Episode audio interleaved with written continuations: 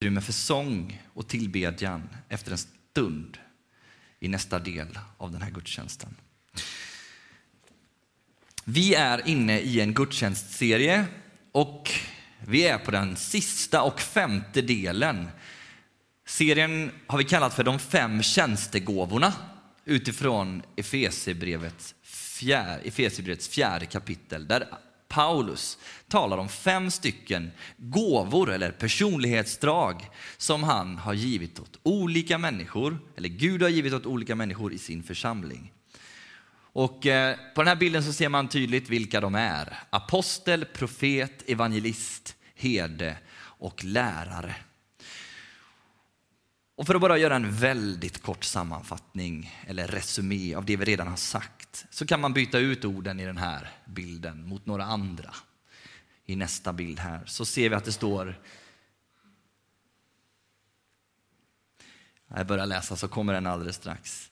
Att aposteln handlar om att bygga. Profeten det handlar om att lyssna. Att vara herde handlar om att älska. Att vara evangelist handlar om att berätta.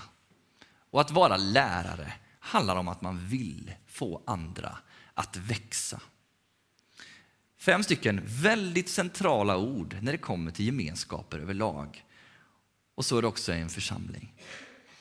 Men nu ska vi fokusera på lärandet. Och vad är en bra lärare för någonting? Jag tänker att egentligen så kanske det här är det enklaste temat hittills. Därför att lärare har vi alla haft. Vi har gått i den svenska folkskolan eller skolan och vi har stött på så många olika lärare genom åren och vi vet vad det är för någonting. Och jag gjorde lite research bara på nätet så där för att kolla vad är egenskaper som man överlag i det svenska samhället betraktar som goda när det kommer till en lärare.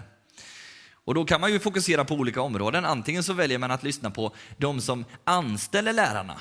De som skickar ut annonser vitt och brett. Vi behöver anställa lärare. Vad värdesätter man då? Jo, men då kommer man till egenskaper som engagemang, samarbetsförmåga och flexibilitet. Det står överst på listan hos de som anställer lärare. Och jag hittade ytterligare 13 till egenskaper som listades upp i den undersökningen. Det kan ni läsa på internet om ni vill. Frågar man barnet däremot så är det andra saker som är viktigt. Rättvisa, socialt engagemang och att man har en strukturerad undervisning. Det som man eh, under den undersökningen som gjordes via Göteborgs universitet tyckte var spännande, det var att man inte hade listat egenskapen kunnighet som särskilt avgörande. Det var inte vad barnen tyckte i alla fall. Tvärtom så menar barnen själva att för kunniga lärare trasslade in sig och gjorde det svårt, svårare att förstå innehållet. Det tycker jag är intressant. Att lärande inte bara handlar om kunskap egentligen, utan snarare hur man förmedlar det man kan till den som lyssnar.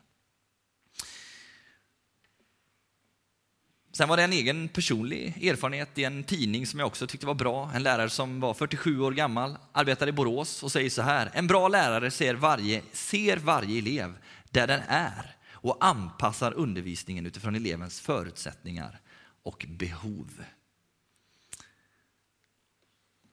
Mycket bra saker är sagda. Men så är det ju så att vi talar idag om ett lärande i kyrkan i en församling och vi utgår ifrån Jesus som är den största läraren av dem alla. Och när jag var lite yngre så hade jag ett band på min arm. Det var väldigt populärt då under tonårstiden att man hade det. Man fick det på festivaler och konferenser. Det kunde stå konferensens namn och så hade man då den här på sig för att visa att jag har varit på den här konferensen. Jag tycker det är bra och jag står för det. Det blir en identitetsmarkör. Man kunde också köpa sådana här band och jag tror man kan det fortfarande, men jag ser dem inte så ofta. Och ett band som jag köpte och som var väldigt populärt under den tiden, det var bokstäverna WWJD. Det står för What would Jesus do? På svenska, vad skulle Jesus ha gjort? Och det var någonting som jag verkligen tyckte var bra. Och det där har hängt i i mitt liv. Jag tycker att Jesus är fantastisk utifrån att han är Guds son, han dog på ett kors och vi får syndernas förlåtelse. Det är en stor sak för mig, ja. Men jag är också väldigt fascinerad av Jesus som människa. Hur han levde sitt liv, hur han undervisade andra människor så att de häpnade. Jag är fascinerad av hur han gång på gång sätter dit översittarna och plockar upp de svaga och hur han får ihop allting. Både undervisningen som han säger med sitt eget liv. Och jag märker att när jag sitter och pratar med andra pastorer och människor eh, om Jesus som förebild så blir jag väldigt engagerad. Här är någonting viktigt för mig. Hur Jesus levde sitt liv och hur Jesus var emot andra.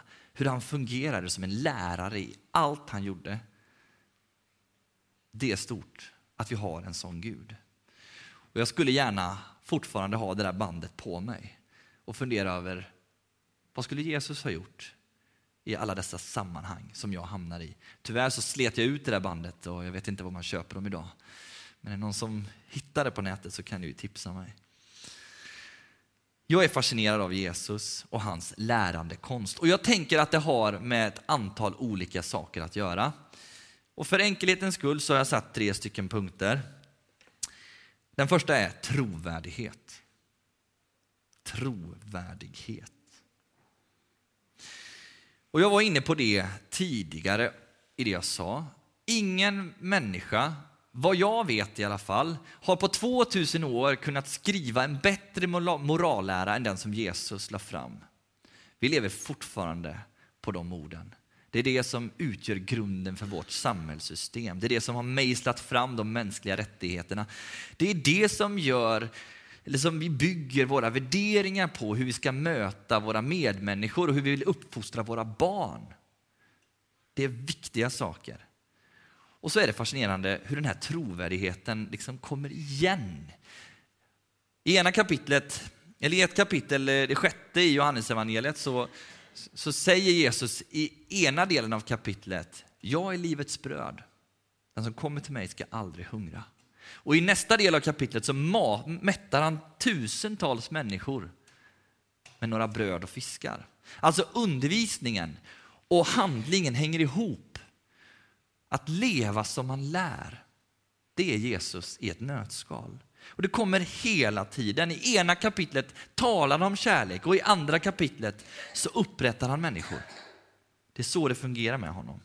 Och jag hade ett samtal med ett par i församlingen tidigare för någon vecka sedan och det kommer också i församlingsbladet som delas ut i nästa vecka. Ni kan läsa eh, om det sen. Vi kommer att samtala om detta att finnas i en församling och en by på samma gång. Och paret log lite och berättade för mig att den som försöker vara lite härligt söndagskristen i en by som denna genomskådas väldigt lätt. Det går inte, därför vi möter varandra överallt, i alla sammanhang. Och det kommer lysa igenom om man liksom bara har ett skal. Och det där är ju Jesu poäng med hela sitt lärande. Att det inte ska vara så, utan att det ska vara ett och samma. Det jag tror på och det jag lever ut. Det är viktigt att det hålls ihop för en lärare. Trovärdighet. får ni sätta er här framme. men ni får sitta och vänta nu tillsammans. Den andra punkten som jag tänker på är delaktighet.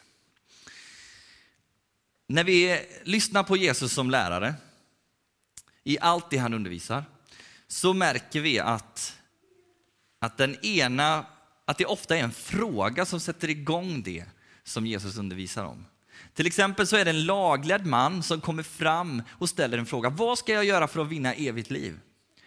Och Jesus svarar med en liknelse som har blivit världskänd, den barmhärtige samarien. Och det är undervisning som kommer utifrån en fråga. På samma sätt är det med till exempel lilla bibeln, ni vet Johannes 3.16. En av de mest kända bibelverser som finns. Och när den versen skrivs och blir till historia så kommer den utifrån att en man som heter Nikodemus sökte upp Jesus mitt i natten och ville ställa frågor om vem han var och vad som är viktigt i livet.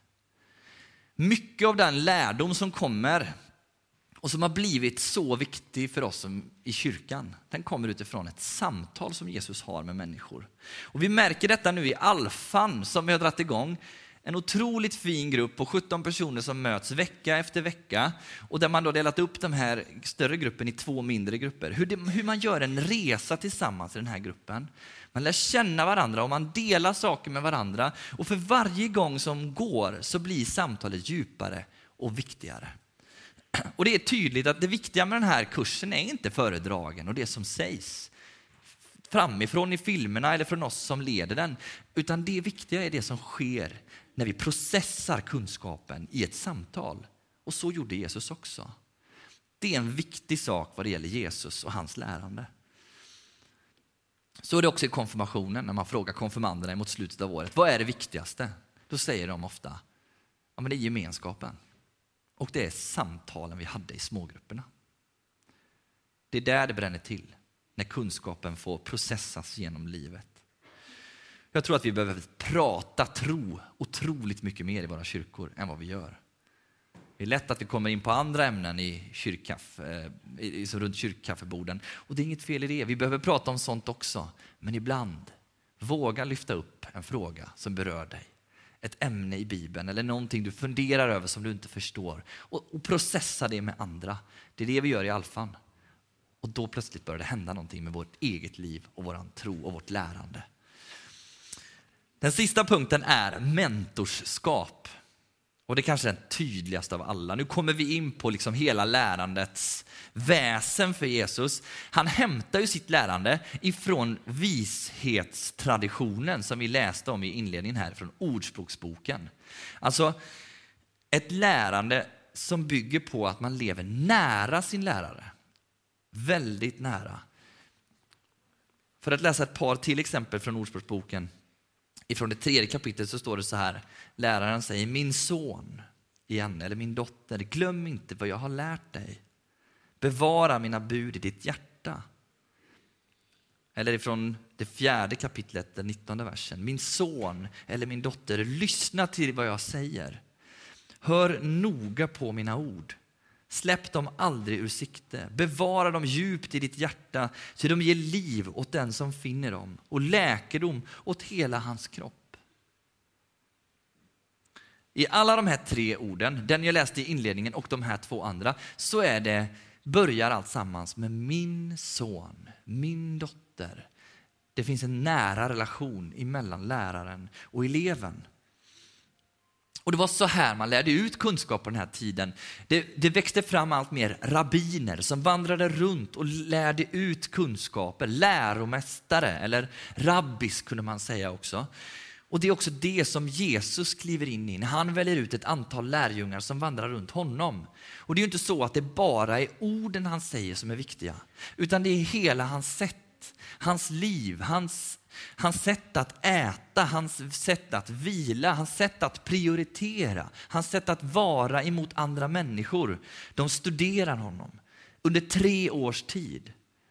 Och på det sättet skapas ett mentorskap mellan lärjungarna och Jesus. Och som de sen tar vid när de lär upp nya lärjungar senare. Och vi kan se hur det här fortsätter, det här mentorskapstänket tänker på Paulus. Ni vet han som först förföljde alla judar, eller alla kristna och ville ta död på dem. Och sen upplever han en förvandling, en omvändelse. Och så plötsligt börjar han älska Jesus. Men han blir ju inte insläppt i gemenskapen bland bröderna, för de är ju rädda för honom. De, tro, de tror ju att han är ond fortfarande. Och då kliver Barnabas fram. Och så tar han med sig Paulus till bröderna, in i värmen. Och så presenterar han Paulus för de andra och säger ni kan lita på honom. Han tar honom med sig in i gemenskapen. Sen påbörjas ett, ett tiotal år av förberedelse för Paulus och en dag tycker Barnabas att, han, att nu är Paulus redo att ge sig ut i tjänst. Han åker förbi Tartos där, där Paulus befinner sig och hämtar Paulus och säger nu, nu kör vi. Nu ska vi ut på missionsresa den första. Och så börjar det. Och så går det inte lång tid innan Paulus själv blir mentor till Timoteus och lär upp honom och skickar brev och uppmuntrar honom fast att han är ung, pushar honom framåt. Det här är, lär, det här är lärande i den här boken Bibeln. Mentorskap. Mer än bara kunnande. Man kan kunna hur mycket som helst om den här boken men inte förmå att omsätta det i praktik. Men Jesus ger oss, ger oss ett exempel på hur man kan göra. Hur man kan ha människor kring sig som man hjälper och undervisar och stöttar. Man kan aktivt välja ut dem till och med, precis som Jesus gjorde med sina lärjungar. Och när man gör det så får människor runt omkring en växa. Jag vet exempel på människor som dyker upp i mitt huvud nu, som har startat tjejgrupper, som har, som har startat bönegrupper runt omkring sig där det börjat hända grejer. Jag tänker på ett väldigt fint exempel. Jag jobbade tidigare med John Eidring i kyrkan Vårgårda. Han eh, växte upp i Fiskebäck och han har berättat för mig att de var ett stort gäng grabbar som var ganska sjövilda på den tiden när de hängde i kyrkan. De var många, jag vet inte exakt hur många, men så att de kanske var 8-10 stycken. Och de hade en, en ungdomsledare eller ungdomspastor som jobbade väldigt nära dem och som tog med dem på saker och pratade med dem och lärde dem vad hans liv liksom brann för. Och idag så, så tror jag att, att det kan vara en sån här sex, sju personer av de här som jobbar i olika församlingar runt omkring i Sverige. Bara på grund av att han tog läranderollen på allvar i sitt liv. Han var mentor för de här, för de här grabbarna och det betydde allt för dem. Och du kanske tänker på andra personer som har varit mentorer för dig. Och vi ser upp till människor i våra liv, så är det bara, både i arbetslivet och i familjelivet. Och vi vill bli bra föräldrar och bra anställda där vi befinner oss, eller egna företagare. Och så kan det vara i kristna livet också. Vi behöver någon att ta rygg på. Vi behöver andra att se upp till. Och när vi har hittat någon som vi kan göra det så kan vi också få vara mentorer för andra. Det är så här evangeliet har gått vidare. Lärare är otroligt viktigt i vår församling. I alla församlingar. Vi behöver goda lärare. Vi tänker kanske framför allt då i predikstolen såklart. Har vi inte en god lärare där, hur ska det då gå? Men det är inte bara där. Vi behöver det i söndagsskolan, vi behöver det i smågrupperna, vi behöver det i alfan. Vi behöver det hemma där, där våra föräldrar finns med barnen. De behöver också lära barnen om vem Jesus är. Vi behöver goda lärare på så många olika platser i vår gemenskap.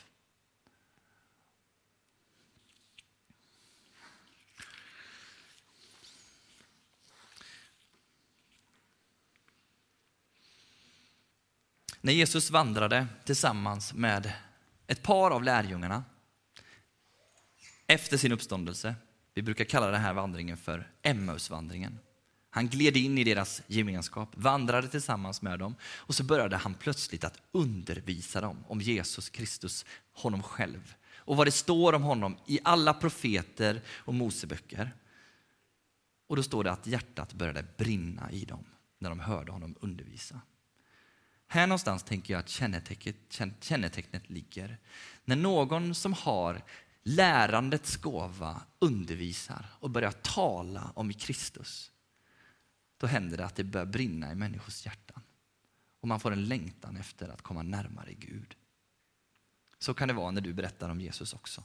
När du delar din tro med andra. Och det är inte alltid man vet det själv ens. Förrän man provar. Förrän man börjar använda sina gåvor. Och Det här blir slutet nu på den här predikan och på hela den här serien. Låt oss lägga upp den sista bilden som ligger här. Hur kan man då få liksom koll på vad man har fått för utrustning av Gud? Det är ingen lätt sak. Om man vill säga så här, men gå in på nätet och gör det här personlighetstestet så kommer du få svaret. Jag vet att det finns sådana tester, både på svenska och på engelska. Och man kan absolut göra de testerna. Men det är ännu bättre att använda sig av den gemenskap som du är en del av. Både med varandra här och med Gud. Och det finns flera saker som du faktiskt kan göra. Det första jag tänker på är att när du tjänar, när du finns i olika sammanhang, i, både i församlingen och på annat håll, Vilket är ditt perspektiv? Vilken fråga ställer du dig? Handlar det om omsorgen om andra människor? Hur ska alla må bra på resan? Handlar det om att vi måste bygga, ta oss vidare, bryta ny mark? Kanske du är en apostel? Eller har den gåvan i dig? Handlar det om att du vill berätta om evangeliet för nya människor? Och att du inte kan hålla munnen stängd, utan du vill alltid dela det du har på ditt hjärta. Kanske du är en evangelist. Handlar det om att du längtar efter att församlingen ska få grepp om en sund lära? Att vi ska få en världsbild som liknar den som Jesus undervisade om? Kanske du är en lärare. Så här kan du tänka. Vad ställer du för frågor när du tjänar andra? Och sen måste vi pröva. Vi måste våga pröva det vi också inte har gjort. För ibland märker man att det kan vara precis det som är min gåva, det som jag behöver växa i. Och sen är det så här att det är inte vattentäta skott emellan de här, utan man kan ha flera av dem. Vissa är man starka på, andra är man lite svagare på. Och det är därför vi behöver varandra. Och de går in i varandra.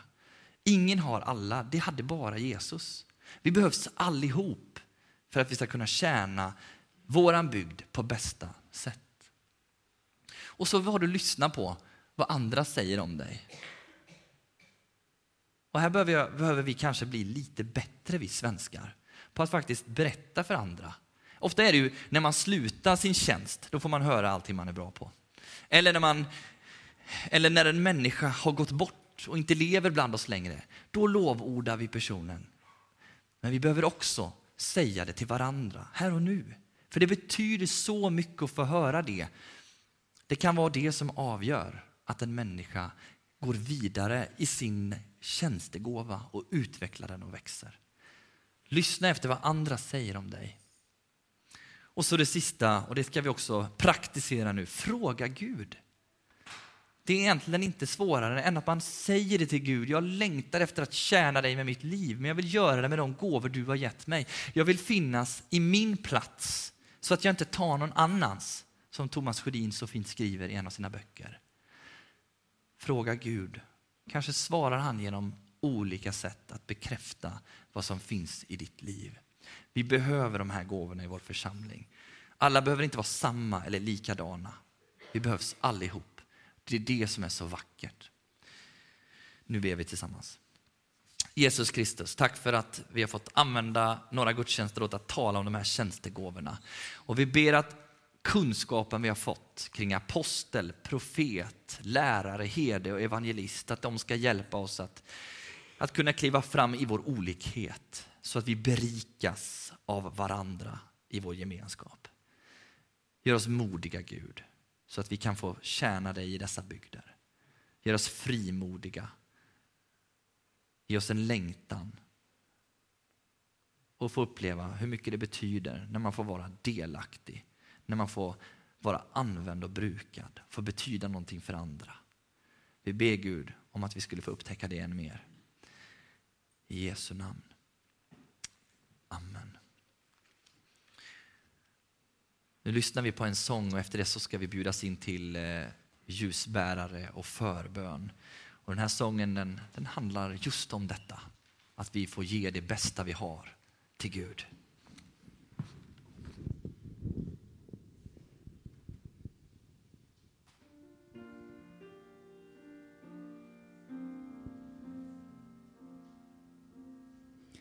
Vi vill ge dig det bästa vi har. Mun och händer, allting som är dyrbart. Vi håller inte igen, vi bär vårt offer fram. Du förtjänar mer, du är mera värd. Vi vill ge dig det bästa vi har. Mun och händer, allting som är dyrbart. Vi håller inte igen, vi bär vårt offer fram. Du förtjänar mer